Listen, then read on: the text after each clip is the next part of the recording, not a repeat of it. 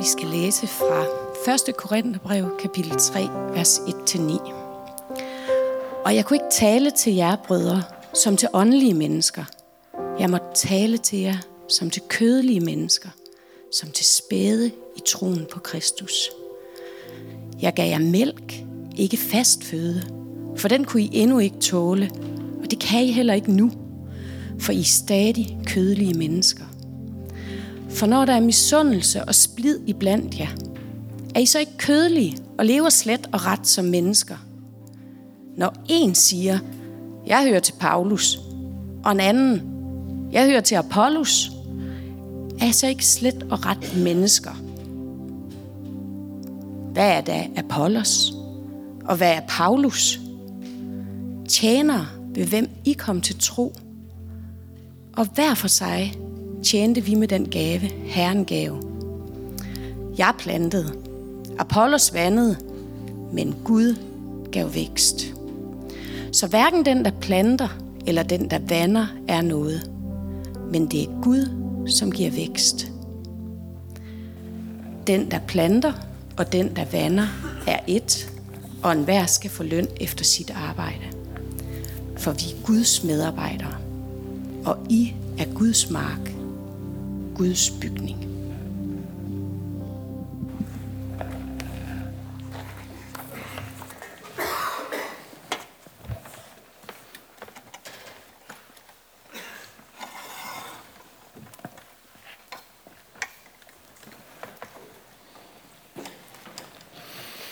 Lad os øh, bede. Gud Gud, vi øh, takker for øh, de her ord, som er nået til os i dag.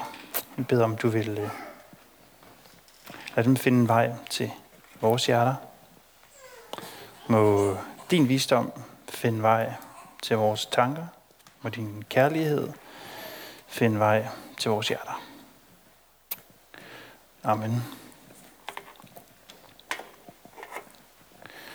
Jeg vil ikke øh, lige sige det før, men øhm, jeg skal i dag prædike om noget virkelig, virkelig kedeligt. Jeg skal holde sådan en prædiken helt uden øh, sensationer. En prædiken uden øh, fyrværkeri, og ja, det var træls i valg, der blev ind i dag. helt uden kapav, om noget, der går langsomt, uendelig langsomt og ofte helt galt.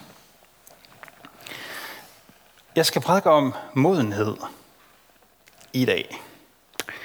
Vi har åbnet det her brev, læst om et læst brevet fra Paulus, den 13. apostel, som har plantet menigheder og øh, forkyndt evangeliet i Middelhavsområdet, blandt andet i den græske by Korinth, og er rejst fra den by igen, fordi han skulle videre og øh, skrive et brev til dem langt væk fra. Øh, og det, det er et brev, som er skrevet til en gruppe mennesker, der havde sådan en skala i deres hjerte, om hvem var de åndelige, og hvem var de uåndelige. Altså, hvem var de rigtig åndelige, de gode, og, og, og hvem var bare kødelige, menneskelige. Og jo mere åndelig du blev, jo mere løsrevet du blev fra det menneskelige, fra kroppen, fra hverdagen, jo højere steg du op af den her skala – det er det, som nogle af jer måske har hørt tale om som den gnostiske tankegang. Der var sådan meget udbredt i den græsk-hellenistiske verden på det her tidspunkt, hvor det her brev er skrevet i. Altså, at der var en særlig gnosis, en særlig erkendelse, som nogle få mennesker kunne få. De indvidede, dem der anstrengte sig. Og øh, den her tankegang om, at der var noget særligt som for nogle få, en særlig hemmelighed, et særligt kursus, man skulle være på, eller en særlig øh, undervisning, du skulle have haft. Prægede den her menighed i Korinth dybt. Og hvor tror I, de troede, de var på skalaen? Ja, de var helt oppe at ringe. De mente nemlig, vi er helt op her, øverst på skalaen. Vi er så åndelige, så det halve kunne være nok. Og Paulus, han smider simpelthen altså den der Ice Bucket Challenge, som vi sikkert har set på Facebook for nogle år siden, at man skulle smide isvand i hovedet på sig selv og stå og skrive på Facebook. Det var ingenting i forhold til den spand isvand, de får i hovedet her af Paulus. De har sikkert håbet, og vi håber, at Paulus han har hørt, øh, hvor åndelige vi er. Og de har fået det her brev og tænkt, at det bliver dejligt at ligesom få en anerkendelse af vores åndelighed, og hvor godt det går os. Og så skriver Paulus, dengang, venner, der kunne jeg ikke tale til jer som til åndelige mennesker. Alt det, de håbede på at være, jeg må tale til jer som til kødelige mennesker. Øh, som mennesker, der var fedtet ind i krop og materie og hverdag og jord og vand og ild og luft. Og, og så siger han, dengang, der gav jeg jer ikke øh, fastføde, jeg gav jer mælk.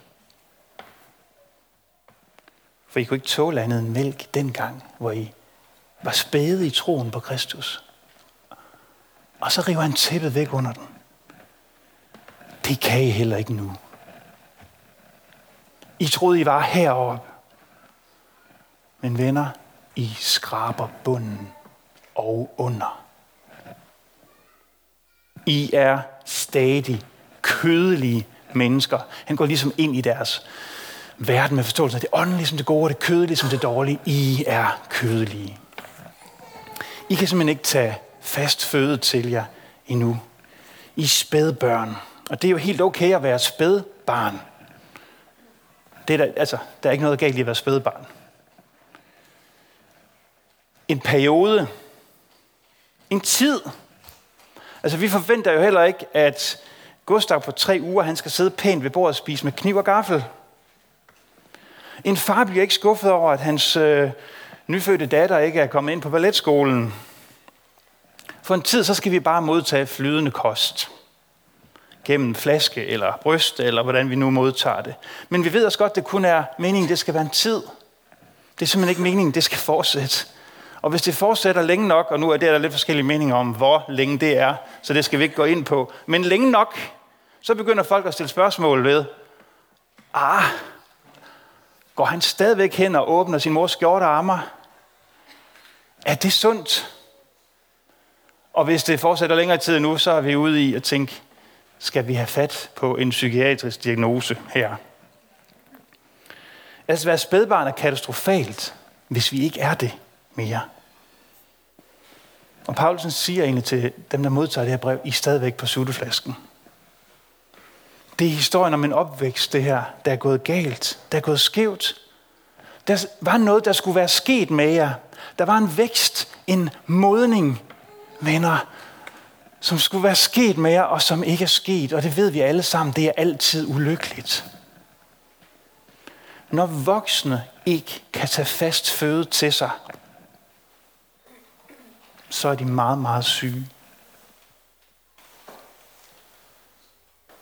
Så alvorligt er det billede her. Når voksne ikke kan tage fast føde til sig, så er de meget, meget syge. Det ved vi alle sammen. Så alvorligt er det. Han skriver det til den her menighed, som troede, at åndelighed det var at vokse ud af det menneskelige, ind i noget finere. I kristen forstand, der er åndelighed altid at vokse dybere og dybere ind i det menneskelige. Og den måde, Paulus ved, at der er noget her i deres, i deres vandring, der er gået helt skævt, det er, der er fraktioner, der er splittelser, der er skænderier, der er uenigheder i den her gruppe. Deres måde at leve på sammen er en stor modsigelse af det budskab, de er sammen om. Kristus gik ind i det menneskelige. Han kom for at sammenfatte alt i himlen og på jorden, for at skabe enhed og helhed mellem mennesker, mellem Gud og mennesker.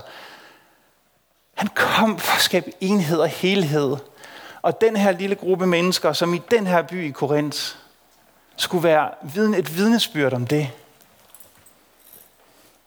De var i opløsning. De skændtes med hinanden. Den måde, I lever på, den måde, I praktiserer jeres åndelighed på, er en stor modsigelse af det budskab, I kom til tro på. Venner, I er på flasken. Jeg kan ikke engang tale til jer som til voksne mennesker. I er så langt fra modning i Kristus, som næsten kan tænkes at være. De er ikke vokset op til mands eller kvindes modenhed. Og det er altid en sorg. Og det er, det er virkelig interessant at se, hvordan det er, det Paulusen siger, det ligger under det her. Hvad er det, det ligger under, at de har fraktioner og uenigheder imellem sig? Det er det lille barns grænseløse selvoptagethed. Og alle, der har været i nærheden af små børn, de ved, hvor selvoptagede børn de er. Små børn, de er helt uforbeholdende i deres optagethed af sig selv og deres egne behov. De ser så søde ud, men der er kun én ting i hovedet på dem. Mi, mi, mi, mi, mi, mi, mi, mi. Og det er jo sødt en tid. Men efterhånden, som vores børn vokser op, så prøver vi at lære dem, hey, der er faktisk andre mennesker i det her rum end dig. Eller tag lige og eller hvad med at skåle 10 frikadeller op på tallerkenen. Altså, vi, vi var fem mennesker, og vi skulle dele dem her, og far skal have de seks af dem. Det er en del af det at blive modnet, at vi bliver rettet væk fra vores selvoptagethed. Men der stilen mod åndelighed havde gjort dem mere og mere selvoptaget og umodne og ængstelige og fjendtlige. Og det sker også i dag. At mennesker søgen mod åndelig udvikling. Også i kirken gør det mere, dybest set mere og mere selvoptaget. Jeg har set det masser af gange. Det er også ofte sådan, vi lever som mennesker i verden i dag. Selvoptaget. Sådan vi ofte lever som menneskehed. Umodne. Og det umodne menneske, udfolder Paulus her, det umodne menneske, er ikke optaget af at så og vande og plante og pløje og tage vare på marken foran ham eller hende. Det umodne menneske er kun optaget af én ting. Det er at høste. Rive frugterne til sig, sine egne eller andres. Det umodne menneske tror, at han eller hun selv er ansvarlig for væksten, og piner og plager derfor alt muligt ud af jorden, som man kunne tænke sig at hive op af den. Det umodne menneske kan ikke vente på Gud, som ofte slet ikke har så travlt, som vi har. Et umodent menneske, undskyld hvis jeg fornærmer nogen nu, vil hellere google sig til svaret på en eksamen i skolen, eller en primitiv oversættelse af en tekst på et fremmed sprog, end at gøre sig den umage, at lære sig et fremmed sprog, lære at kunne læse på et likstal på mere end 40, og tykke sig igennem en svær tekst. Et umodent menneske vil hellere sælge sin aktier for at score en lynhurtig gevinst, end det langsomt, vedholdende vil bygge en virksomhed op, som bliver til velsignelse for mennesker i lokalsamfundet, i verden. Et umodent menneske vil hellere score en hurtig profit ved at tage uetiske beslutninger i forhold til klima, miljø, social ansvarlighed, end ved at tage den modenhed på sig, det er at tage svære beslutninger, som over tid vil være med til og skabe liv og vækst. Et umodent menneske vil hellere finde en eller anden letkøbt åndelig forklaring på komplicerede problemer. I stedet for at gå den svære, den hårde vej med os selv, med andre mennesker, med svære samtaler, med store udfordringer. Tur stille de svære spørgsmål til sig selv. Den generation, der er ved at gå på pension nu, dem kalder man græshoppegenerationen. Nogle kalder dem græshoppegenerationen. Fordi de som en græshoppesværm har øh, plyndret alle de marker, de kom forbi og efterladt dem øh, uden nogen form for næring. En generation, der har pint og plaget ressourcer ud af jorden. Så vi i dag står med klimaproblemer, vi ikke aner, hvor skulle ende henne. En generation, der har opbygget et økonomisk system, som er ved at koncentrere hele verdens rigdom på nogle meget, meget, meget, meget, meget, meget, meget få mennesker.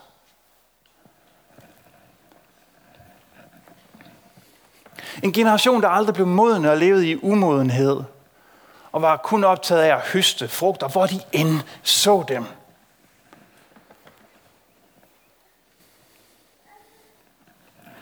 Og at leve sådan er også en måde, vi kan leve i forhold til andre mennesker på. I kender dem.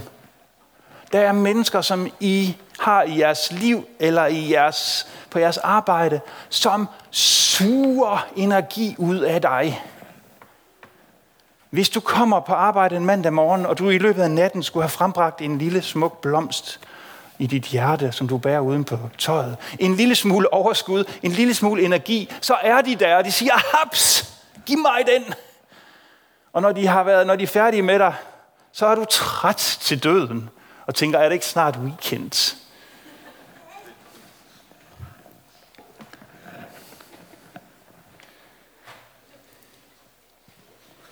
Et modent menneske udvikler en kærlighed til jord. Til de mennesker, den mark, de omstændigheder, som er lige foran en. Ikke jorden på afstand. Jeg læste engang et interview med en astronaut, der øh, havde det privilegium at kunne se jordkloden sådan, øh, på afstand. Øh, han sagde, ej, det er først, når man kommer derop, man ser, hvor smuk den egentlig er. Ja, hvor er det umodent.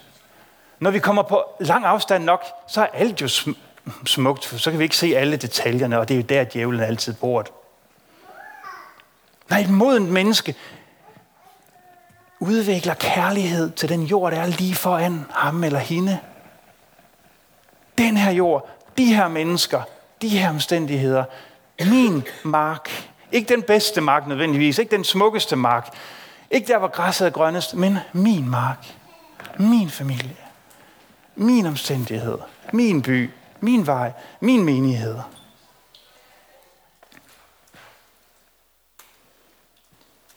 I det kristne livs vandring, der er der ikke noget quick fix. Vi vågner ikke op lige pludselig en dag og er blevet åndeligt modne, fordi vi har været på et eller andet gaveopdagelseskursus et eller andet sted. Der er kun den langsomme langsomme vandring, hvor vi sår, vander, planter den mark, som er lige foran os. Der er ømheden.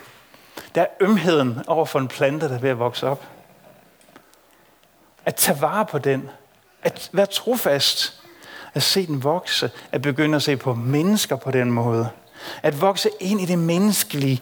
At vende blikket bare en smule væk fra sig selv hver dag.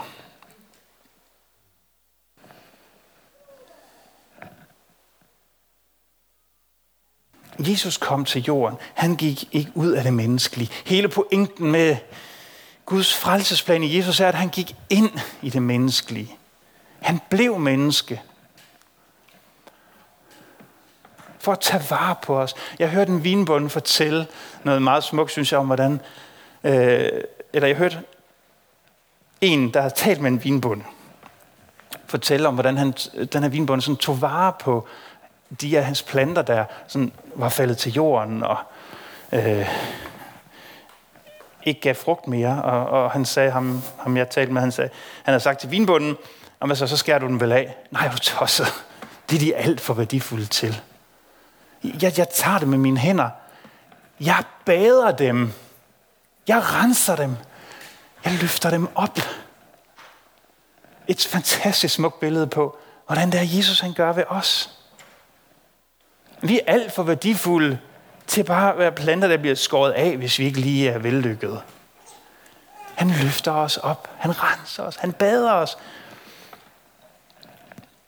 Jesus, som gik ind i det menneskelige, og gik selv ind i døden, som er knyttet til det menneskelige. Som et hvedekorn blev han lagt i jorden, da han døde på korset for vores skyld.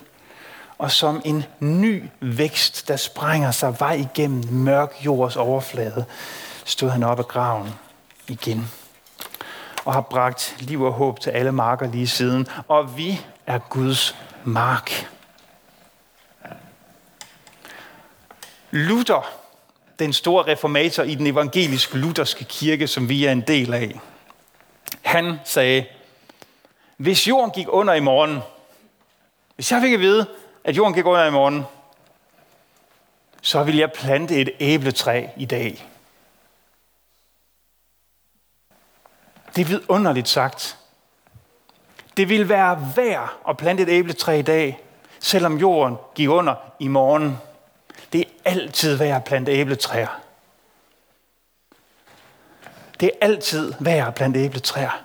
Det er altid værd at vise kærlighed, at så, at plante, at tage vare på. Det er altid det værd. Når det ikke er os, der giver væksten, så er det heller ikke os, der afgør, om det er det værd. Er det værd at investere min kærlighed i det her menneske? Det er ikke dit spørgsmål. Vi skal holde op med at stille det spørgsmål, om det er det værd. Det er ikke vores sag at spørge, om det er det værd.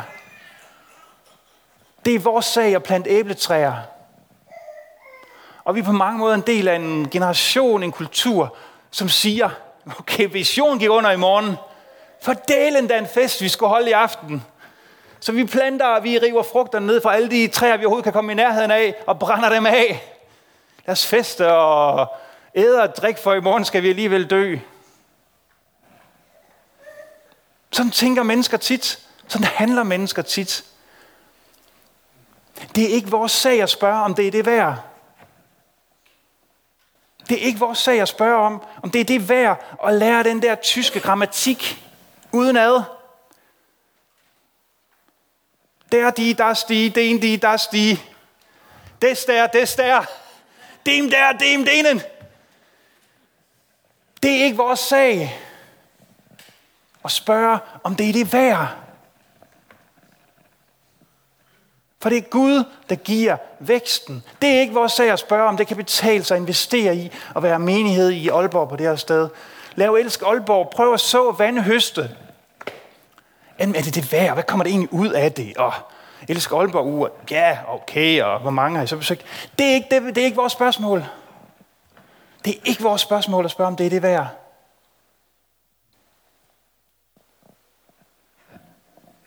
For det er Gud, der giver væksten. Og det er der en kæmpe frihed i. Vi er fri for ængstelighed, for den stress, der er knyttet til, hvad nu hvis det ikke lykkes? Hvad nu hvis det ikke kommer det op af jorden, som jeg troede, jeg havde sået? Det gør der sandsynligvis ikke. Der kommer helt sandsynligvis noget andet op,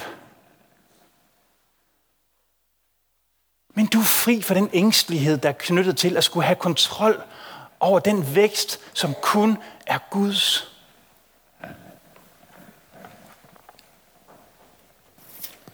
Det er din sag at gøre det, som kun du kan gøre, og så må det være op til Gud at gøre det, som kun han kan gøre. Det er der også noget dejligt ydmygende i. Det er ikke din indsats. Det er ikke din kirke. Du behøver ikke bekymre dig om resultatet for så vidt. Det kan være, der er nogen, du har haft lyst til at invitere med i kirken en dag, eller invitere ind i en åndelig samtale, eller og sige, jamen jeg ved ikke, om de siger nej. Nej, det er ikke dit spørgsmål. Det er ikke dit spørgsmål at overveje, om de siger ja eller nej til din invitation til en åndelig samtale, eller går i kirke, hvis det lige er det. Ikke dit spørgsmål.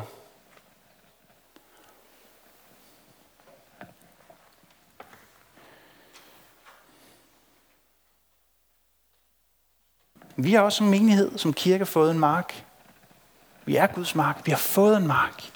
En by, omstændigheder, mennesker, som vi skal så, plante, vande i. Vi skal vokse op til modenhed. Vi vokser ind i det menneskelige. Vi har en vid underlig salme i salmebogen om det her. Den hedder, du gav mig jo herre en lod af din jord. Det er egentlig sådan en salme, som er knyttet til en landbrugskultur som man kunne synge, når vi høster og plår os, øh, haver og hvad vi ellers gør. Men det er også en vidunderlig salme. Ikke bare om det glade liv på landet i 50'erne. Det er også en salme om arbejdsliv. Om kirkeliv. Om familieliv. Du gav mig, Herren, lod af din jord, som jeg nu min egen må kalde.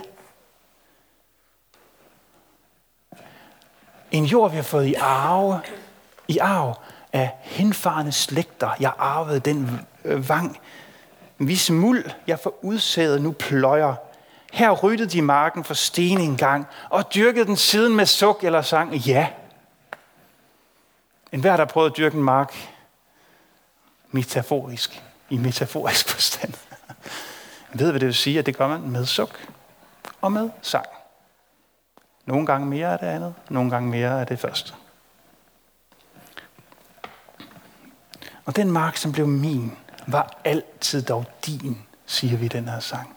Ja, jeg har fået en mark, men jeg fik lov til at kalde den min en, en øjeblik. Jeg fik lov til at kalde mine børn for mine en tid. Men det var altid dine, Gud. Jeg har fået lov til at møde en stor kærlighed, som jeg er blevet gift med i mit liv. Jeg kalder hende min, men Gud, hun er altid din. Jeg har fået en menighed, som jeg elsker, og den magt, som blev min, var altid dog din.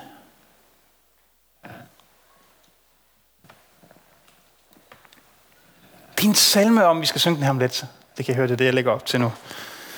Det er en salme om en kirke, der har fået rødder i jorden, i mulden, i sproget, i landet, i traditionen. Ikke i et eller andet super hype quick fix. Det er, det er noget så håbløst, umoderne og træls som en sang om hårdt arbejde. Yes! Det er en sang om hårdt arbejde. Og uden hårdt arbejde bliver ingen mennesker modne. Så googler vi os til svaret på alt. Kun den, der har dyrket marken med suk eller sang. Kun den, der har ryddet stene væk dag efter dag, så ryggen den værker, bliver moden vokser til menneskelig modenhed, åndelig modenhed. Det afhænger ikke af, hvor mange kurser du har været på, men hvad du gør med det stykke jord, som Gud har givet dig. Den magt, du har fået, det virkefelt, du har fået. Du bliver ikke moden i kristen forstand, uden at få jord under neglene. Og det havde de ikke forstået i Korinth. Og de fik den her hilsen fra Paulus, som også kommer til os. Der er ikke nogen hemmelig åndelig viden som du skal have en særlig erkendelse af. Vil du være åndeligt moden, så dyrk din mark. At være menighed er for jorden og neglene, for jord på hænderne. Den første øh, skuffelse, som møder mange nye præster, det er, hvor lidt glamorøst et job det er at være præst. Man tror, man skal tale med mennesker hele tiden, der står der er optaget af store teologiske spørgsmål, og vi sidder og diskuterer Augustin og kirkefædrene og mennesker, er interesseret i de store, abstrakte spørgsmål om liv og død. Og en af de præster, jeg på mest, han siger, det er lidt af, det var præst, det er egentlig bare sådan at hjælpe folk med at gå ud med blæspanden. Det er højst uglamorøst. Det er hverdag. Ligesom at leve et ægteskab. Ligesom at have venner. Vi kan godt have de der stjernestunder, som vi siger, nu tager vi lige det her billede og husker den her fest og champagneglasset. Men at elske og ære hver dag er hårdt arbejde. Det er uglamorøst. At være i basisgruppe, som vi kalder sådan de mindre fællesskaber her i kirken, det er ikke sådan specielt glamorøst. Man møder hinanden i hverdagen. Man møder hinanden, hvor man sidder og falder i søvn på stolen om aftenen. Og man tror, Okay, han har været stille derovre i sofaen så længe. Han er fordybet i en meget, meget intens åndelig bøn. Og så lige pludselig så... og så vågner han op. Det er den mark, vi har fået. Så uglad. Og der er nogen, der ved præcis, hvad jeg taler om. det er uglamorøst. Det er sådan, det er. At tage vare på marken. Vi er i menigheden i, går i gang med en, øh, sådan en strategiproces, som er rigtig spændende og sjov, og vores formand Flemming vil fortælle lidt om den her øh, øh, til slut ved gudstjenesten. Men, men et, over det, over alle de strategier, vi kan lave, så, så er der bare en mark, som vi skal så og vande og pløje og høste og elske. Elske vores mark. Gør hver dag et hederligt arbejde og giv dig så frimodigt Gud i vold ham, som giver væksten. Ham, som lader det vokse, mens vi sover. Ham, som aldrig bliver træt af at kalde de døde frø til live og lade dem spire og vokse og modnes. Ham, som aldrig bliver træt af at kalde dig til live, så du kan spire og vokse og modnes. Og så sagde jeg vist i indledningen, at der var ikke meget kapav i det. Men det er der, der er kapav i. Døde frø, det bliver kaldt til live. Igen og igen og igen. Draget mod overfladen. Og en gang imellem gennembryder den mørke jord. Amen.